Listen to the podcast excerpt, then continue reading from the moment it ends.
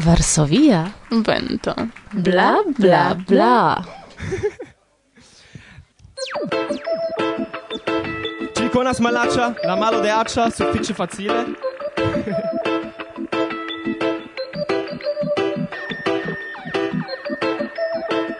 la malo de accia.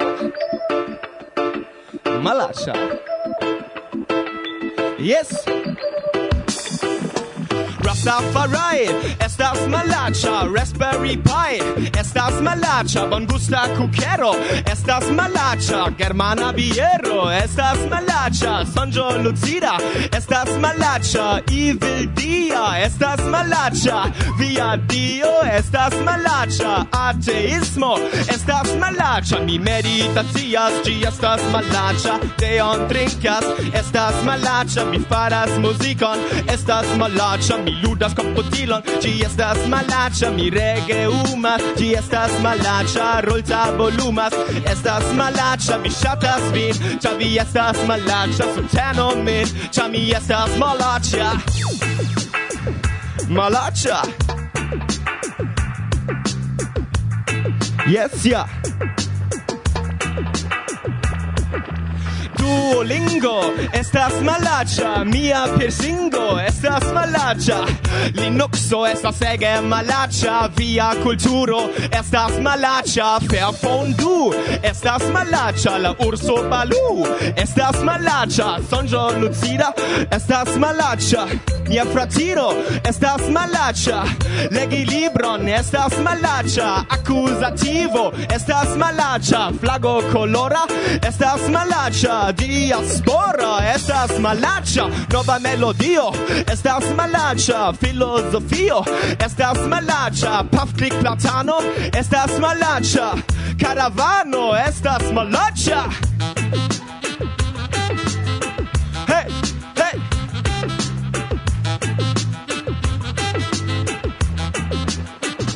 Malacha!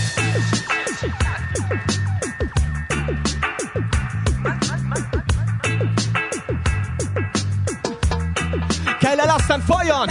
Mi meditacias, ĝi estas malaĉa. Teon trinkas, estas malaĉa. Mi faras muzikon, estas Mi ludas kompotilon, ĝi estas Mi meditacias, ĝi estas Mi teon trinkas, ĝi estas Mi ŝatas vin, ĉar vi estas subteno min, ĉar ĉiuj estas? Yes, yeah. Iam da rememoro en la comenzo. Gianema. Yes, longe mi nin ne vidis. Kai mi neniam. Rekte compreneble, char en la muzikaj filmetoi, jes. Do, giuste, vi havas tiun malfeliĉon, ke pri Esperanto vi entusiasmigis duon jaron antaŭ eksplodo de la pandemio. Nek unu esperantistan grandan eventon mi partoprenis, do ne eblis al mi brakumi Johnny Mo. Mi ploros. Krom la zamenhofaj tagoj en Bialistoko. No jes, mi memoras, sed tie John Mo bedaurinde ne presentigis. Tamen cantis Michaelo Bronstein kaj Kashi. Kashi. Hmm. Lia concerto min vere cortusis. Mm, mi vidis dum unu canto es vi ploris. Vi promesis diri tion al neniu. Ĉu ion vi vidas ĉi tie krom ni? Ha ha ha. Do, uh, Kaŝi ankoraŭ aperos en ci programo. Yes, kai ne nur por mi. Mm, speciale por Jacek el Lublino, kiu surprizis nin per eta mondonaco por subteni nian agadon. Kai uh, Jacek sciu, ke same kiel vi amas uh, Varsovian venton, ni amas ankaŭ niajn aŭskultantojn. Kai inter ili ankaŭ vin. Mm, chi sei de Kasia. Kaj se ni parolas iam pri mondonacoj, ne forgesu ni pri Niki, la presidentino de Fel. Yes, por vido krom miloj da knufloj, uh, eh, Niki scias pri kio temas. Speciale en la programo Cantos Kaito. Tial Niki vi devas auskulti la programon ekde komenco ĝis la fino. Vi ne sciis, ke vi estas eĉ tiel perfida. Ciao! Do, se temas pri niaj auscultantoj, kiu ni amas. Ŝajne valoras nun en la komenco de la programo ĉiujn saluti, ĉu? Jes, kompreneble, kiel ĉiam. Saluton, karaj, kie ajn vi nin aŭskultas. Kaj nun, el la provizora studio de Varsovia Vento, speciale por vi... Gosia. Kaj Irek. La, la, la. Larsonia vento bla bla Eble prezentu ni do kion por hodiaŭa programo ni preparis. Yes, generale per de la mikrofonaj renkontiĝoj ni revenos al nia vizito en Belgio.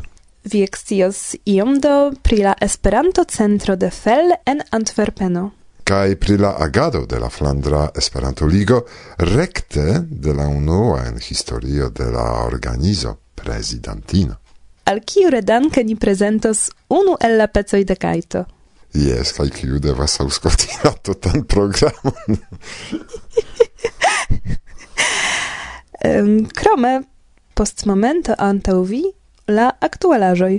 Kiujn prilaboris kune Gosia kaj Kamil? kaj iom vi. Nur iom. Kaj se jam ni parolas pri la aktualaĵoj, dankon al tiuj, kiuj rimarkis nian inviton en la Facebooka forumo ilin kontribui. Kaj reagis. Jes, Gosia zorge uzis viajn informojn.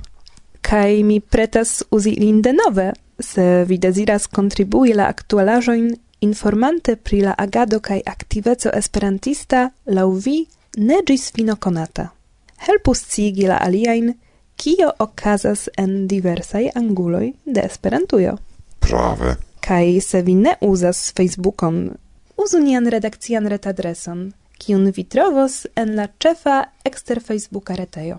Simple diru ni instige, ne nur auskultu, sed ankaŭ iĝu kunlaboranto de nia teamo.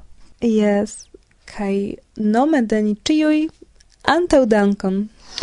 Necesas ankoraŭ danki al IF kaj PIT pro disfastigo de la informoj pri nia agado.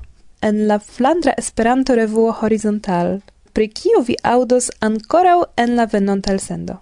Mm, ĉar ni estis gastoj de la ĉefredaktoro.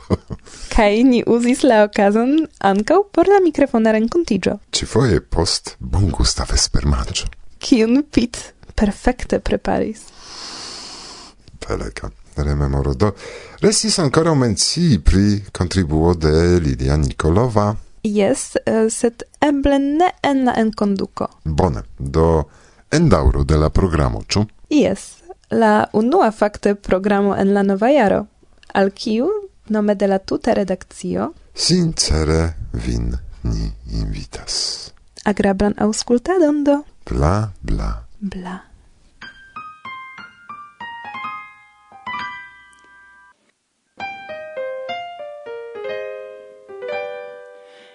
nur etajon, eble miraklajon, mia charmolino carega donazzo gi al vi, povas esti floro, povas esti coro, char en ero pleieta ec fermigias vi, povas esti tuscio, povas esti buscio, por vi taurus sen cesse en mia desir, Kai vingara du mia am, ciu rugia roso, ca ciu ador flam, Accompanu ciam vin Mia granda sen lima supir Eble nur etajon wow. Eble miraclajon wow. Ec ne multe restu inter ni Porque compatin ancora vian savo Ci venu en suspiro wow, wow, wow. Venu en zefiro wow, wow. En accordoi de mia canzon Por vi cun passiu sonas ciu gia caraton. Eble nobla cumon, eble oculumon Mia charmolino carega donazzo ci al mi Cai vi negare du mia am Ciu rugia roso ca ciu ador flam. Accompanu ciam vin A mia granda sen lima sopir eble nur etajon wow eble miraklaĵon wow, wow. Ec ne multe restu inter ni, Porque compatinda ancora un vian savo gi venuen suspiro Wow, wow, wow, venuen zefiro, wow, wow, wow. Ech n'accordo è la mia canzone Por mi compasio sono Ciugia Caraton Ciugia Caraton. Venu en suspiro oh, oh, oh. Venu en zafiro oh, oh.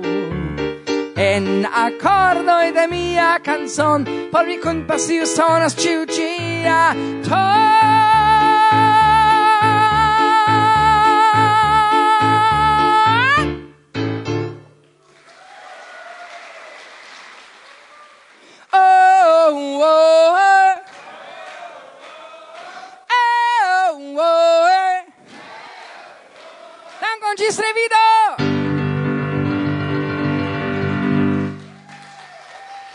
Saluton! Mi estas Marilyn kaj mi estas membro de la Ostenda Klubo en Belgio, Europo. Mi konatiĝis lastatempe kun Varsovia Vento. Mi tre ĝojas esti malkovrinta ĉi tiun tre kompletan retejon pri tio, kio okazas en la Esperanto-sfero. Precipe podcastoi interesas min, char mi povas vidi ilin kiam gi convenas al mi, cae ec havi ilin ripeti se mi volas compreni au lerni pli bone. Char mi estas nova en la movado, mi havas cion por lerni, cae Varsovia Vento estas bona rimedo por mi. Dankon.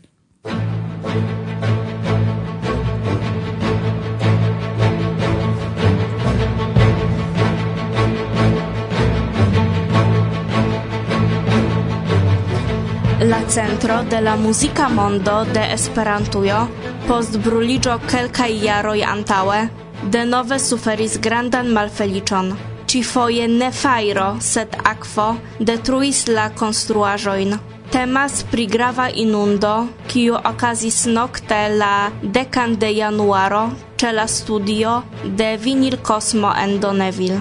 Detruigis dec tri el dudec unu profludeioi, kai parton de la registro studio detruigis la paperai archivoi, libroi, revuoi, son casedoi, kai diversai son archivoi kun kododiskoj. Nun malfacile estas prikalkuli la koston de la riparoj. Oni atendas pritakson de la spertuloj. La EIO felice estis asekurita.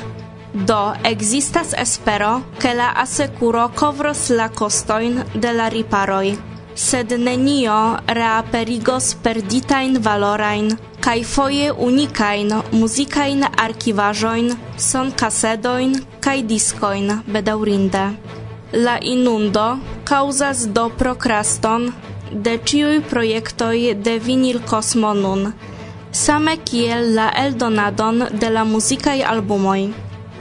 Nome de la tuta redakcio ni deziras al vi, kara Flo, che la vinilkosma laboro kiel eble plei baldau revenu alla plena funkciado.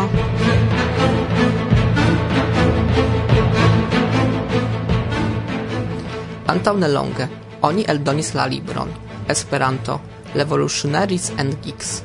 Esperante, Esperanto, revoluciuloj kaj teknomaniuloj. Tiu ci verko kvankam eldonita nur en la angla lingvo constituas la unuan libro-longan etnografion de Esperanto-parolantoj kaj ilia translima komunuma sento. Gi defias ideoin pri malstreĉitaj kaj geografie designitai komunumoj, akirantaj puŝon kaj eltenon. Laste, sed ne malplej grave, la libro argumentas, ke la interreto causis ŝanĝojn en lingvaj ideologioj, lernado kaj uzo la libro estas do signifa paŝo en la kampon de antropologio de Esperanto kaj ĝi indas altiri la atenton de la lingvistoj. Pli da informoj troveblas ĉe ligilo en la priskribo.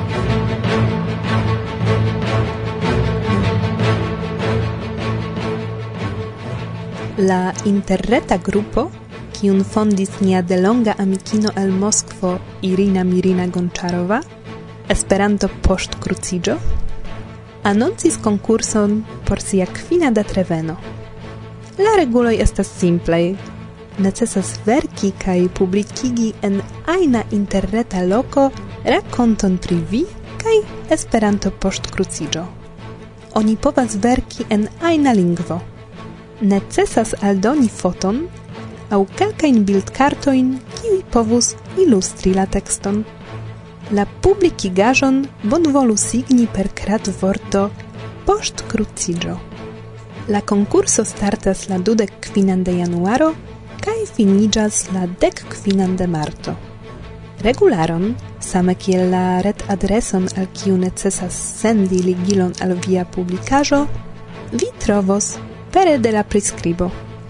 La jurio al judos tri ĉefajn premiojn, sed krome Ciu partoprenanto de la concurso ricevos specialan jubilean bildkarton, subskribitan de la organizantoj. Ĉe la okazo, saluton al la klubo Ekmasi, kompreneble de Varsovia Vento. Bla, bla, bla.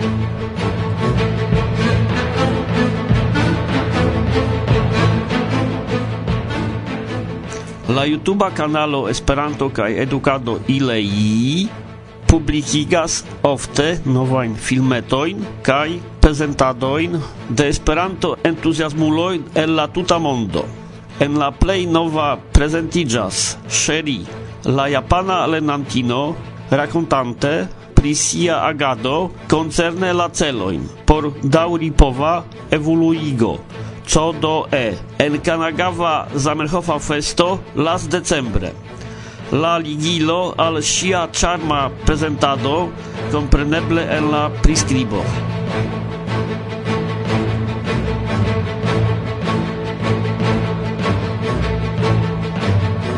Lancigis projekto por krei tute esperantlingvan musicalon.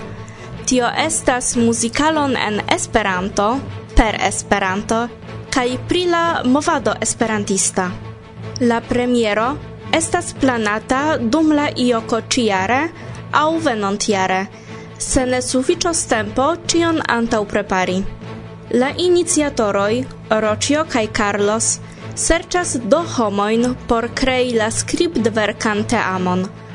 Por candidatigi, oni devas verki amuzan dekfrazan konversacion inter du esperantistoj en la ioko akceptejo kaj sendi ĝin gis la dudec sepa de februaro al Rocio, kies ret adreson, same kiel ligilon al la telegrama forumo pri la temo, vi trovos en la priskribo. Serĉataj estas ankaŭ homoj kun profesia sperto pri regisorado, dancinstruado, scenei creado, aktorado, cantado kaj dancado. Bonvenon do al la la la eolando. Interesiĝu!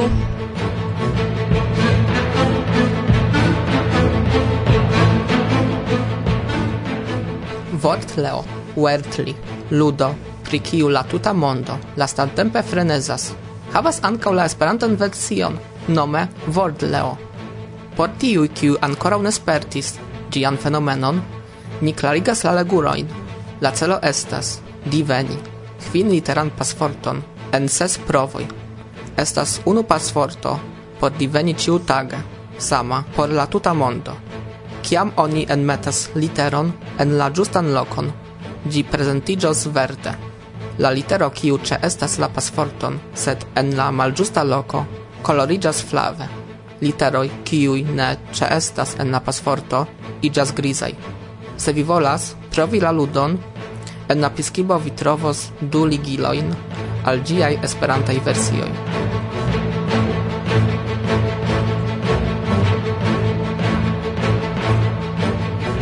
Ikuko Kitagawa informis nin pri agado de la japana komponisto Nobukuni Hiroshi, kiu de certa tempo organizas la Facebookain renkontiĝojn en fermita ĉambro por kunlabore registri kantojn en Esperanto kiujn kantojn? Post la aktualaĵoj unu el ili vi aŭdos. La vojo, ĉar tiun kanton al vi ni prezentos, aperis kunlabore kun la korea kantistino Amira Chun, kaj ĝi, kiel la aliaj, troveblas ĉe YouTube. Laŭ konciza informo kiun de Iku Koni ricevis, Signoro Nobukuni Hiroshi ec interesigis pri la lingvo internacia el la studenta periodo, kaj ec de tiam okupiĝas pri komponado kaj kantado en Esperanto. Sukceson do, kara komponisto, kaj se vi aŭdas nin nun kaj dezirus malkaŝi, kial vi decidis okupiĝi pri kanto en Esperanto, bonvolu kontaktiĝi kun ni, ĉar kial ne rakonti pri via penado iom pli, ĉu?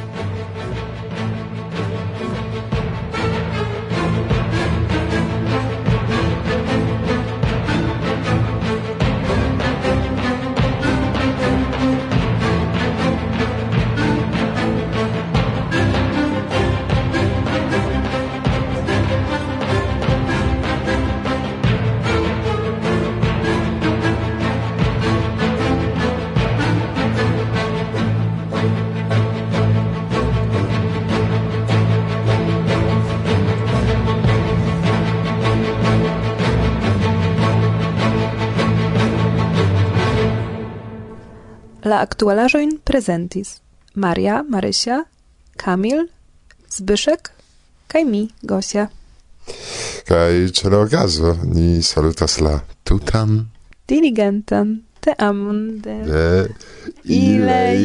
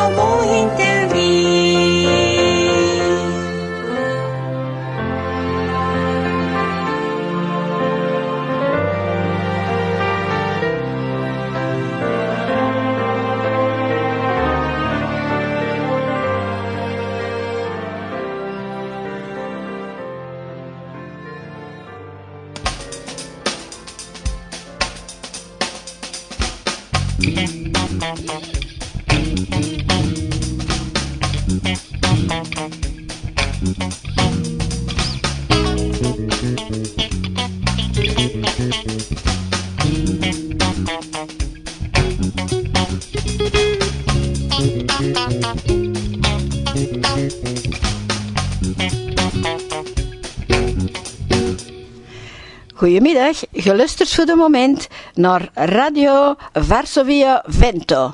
Bla bla bla bla bla bla bla.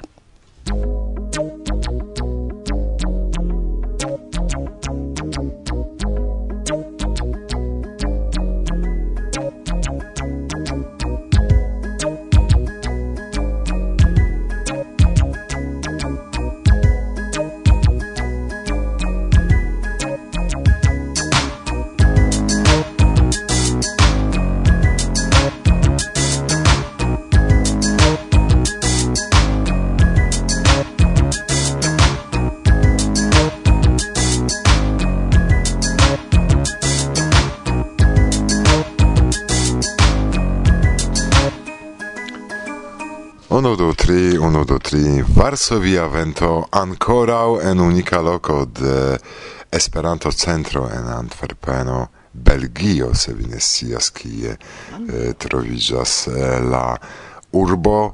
Kaj antaŭ la mikrofono de Varsovia vento ĉifoje mia amikino kiun mi konis de alia flanko ĉar si tre bone kuiras. Non kiel nekuiristino sed presidentino de la Flandra Esperanta Ligo. Saluton unue presentizu kompreneble. Saluton carai, mi estas Niki Jansen. Oficiale me nomicias Monik, ne diru tion al aliai, ĉu ne? Do, jen Mi evoluis en Esperantujo de la kuirejo ĝis la plej alta seĝo en Fel. Mi estas nun la unua ina prezidanto de Fel. Do mi ege fieras pri tio, compreneble, kai estas ege grava posteno kun grava respondetson ĉu ne? Kaj pezas sur mia junaj ŝultroj, ĉar mi ne jam havas la sepdekan. Do lernu cui iri, compreneble, char poste verticala carriero antau vi, vi de cuiristo povas igi presidanto kai eh, cefo de, au eble presidanto de Universala Esperanto Socio, Sete unue vi devas bone cuiri, do tio estas nepra condi, kai ami la homoin. Do, Estas eh, stranga tempo por ni ciui, por esperantisto in la mondo, che ni ĉesis verdire rencontigi, kaj renkontiĝas nur virtuale, eh, changis mondon alla virtuala che ni vidas nin sur la ekranoj de komputiloj, de aptelefonoj, sed tamen ne convenas, ne vere eh, vivas same kiel ni vivis. Kio okazas en fel? Flandra Esperanto-Ligo, ĉu estas samaj problemoj kiel la mondo? Compreneble, Flandrujo estas anko pezzo de la mondo, do ni devas anko laŭ regule vivi. Tamen ni jes kunvenas jam de nove fizike, kaj hibride, kaj laŭ mi tio estas avantaĝo, cer kiam antaŭe estis eble kvin ĝis dec fin dudec homo kiu povos ĝui ion renkontiĝon, nun ni iĝas ĝis kvindek kaj pli, do kiam estas compreneble seriosa au ion bela uh, conveno. Do, yes, uh, eh, estas problemoi, cer nun ancao ni estas organizante tiun zameno feston, uh, la belga, cae nun en Belgio ni disdonas tiun uh, laboron ciu jaro al alia pezzo de Belgio, imagu, tiu puncto sur la mondo havas tri pezzoin, la Valonio, Bruselo kaj ni, la Flandroj, kaj nun estas la vico la Flandroj kaj ni organizizos tion en Ostende. Ĉar tiam la nederlandanoj povus veni, la germanoj povus veni kaj la francoj povus ankaŭ veni. Do estus internacia afero. Na, kio okazis? Tuj ili postulis che ni ciui havu tiun pasporton, tiu COVID-safe pass. Cae la homoi momente neam amasse enscribigas, kai por la organizo tiu estas iomete freneza afero, ĉar oni devas iam havi la salonon, pagi, antau pagi multe da aferoi, mendi aferoin, kai gis tridec inscribigis, kai normale ili estas gis cent, centudec, kai do pendas super nia capo, eble ancau, ko oni nem permesos al ni fari nian Zamenhofeston kaj faru kiel antaua jaro kun nia plado antau ni eh, ala computilo. Compreneble tio per unu foio estas ridinda afero, tamen se tio dauros, ni perdos la homoin, cer ni estas festemae homoi en Flandrio, vi uh, ni festas cion ajn, ĉu ne? Uh, ne povi festi por ni estas katastrofo, jes. Reklamo. Ĉu ankaŭ vi volas esti informita pri la mondaj novaĵoj en flua aktuala Esperanto?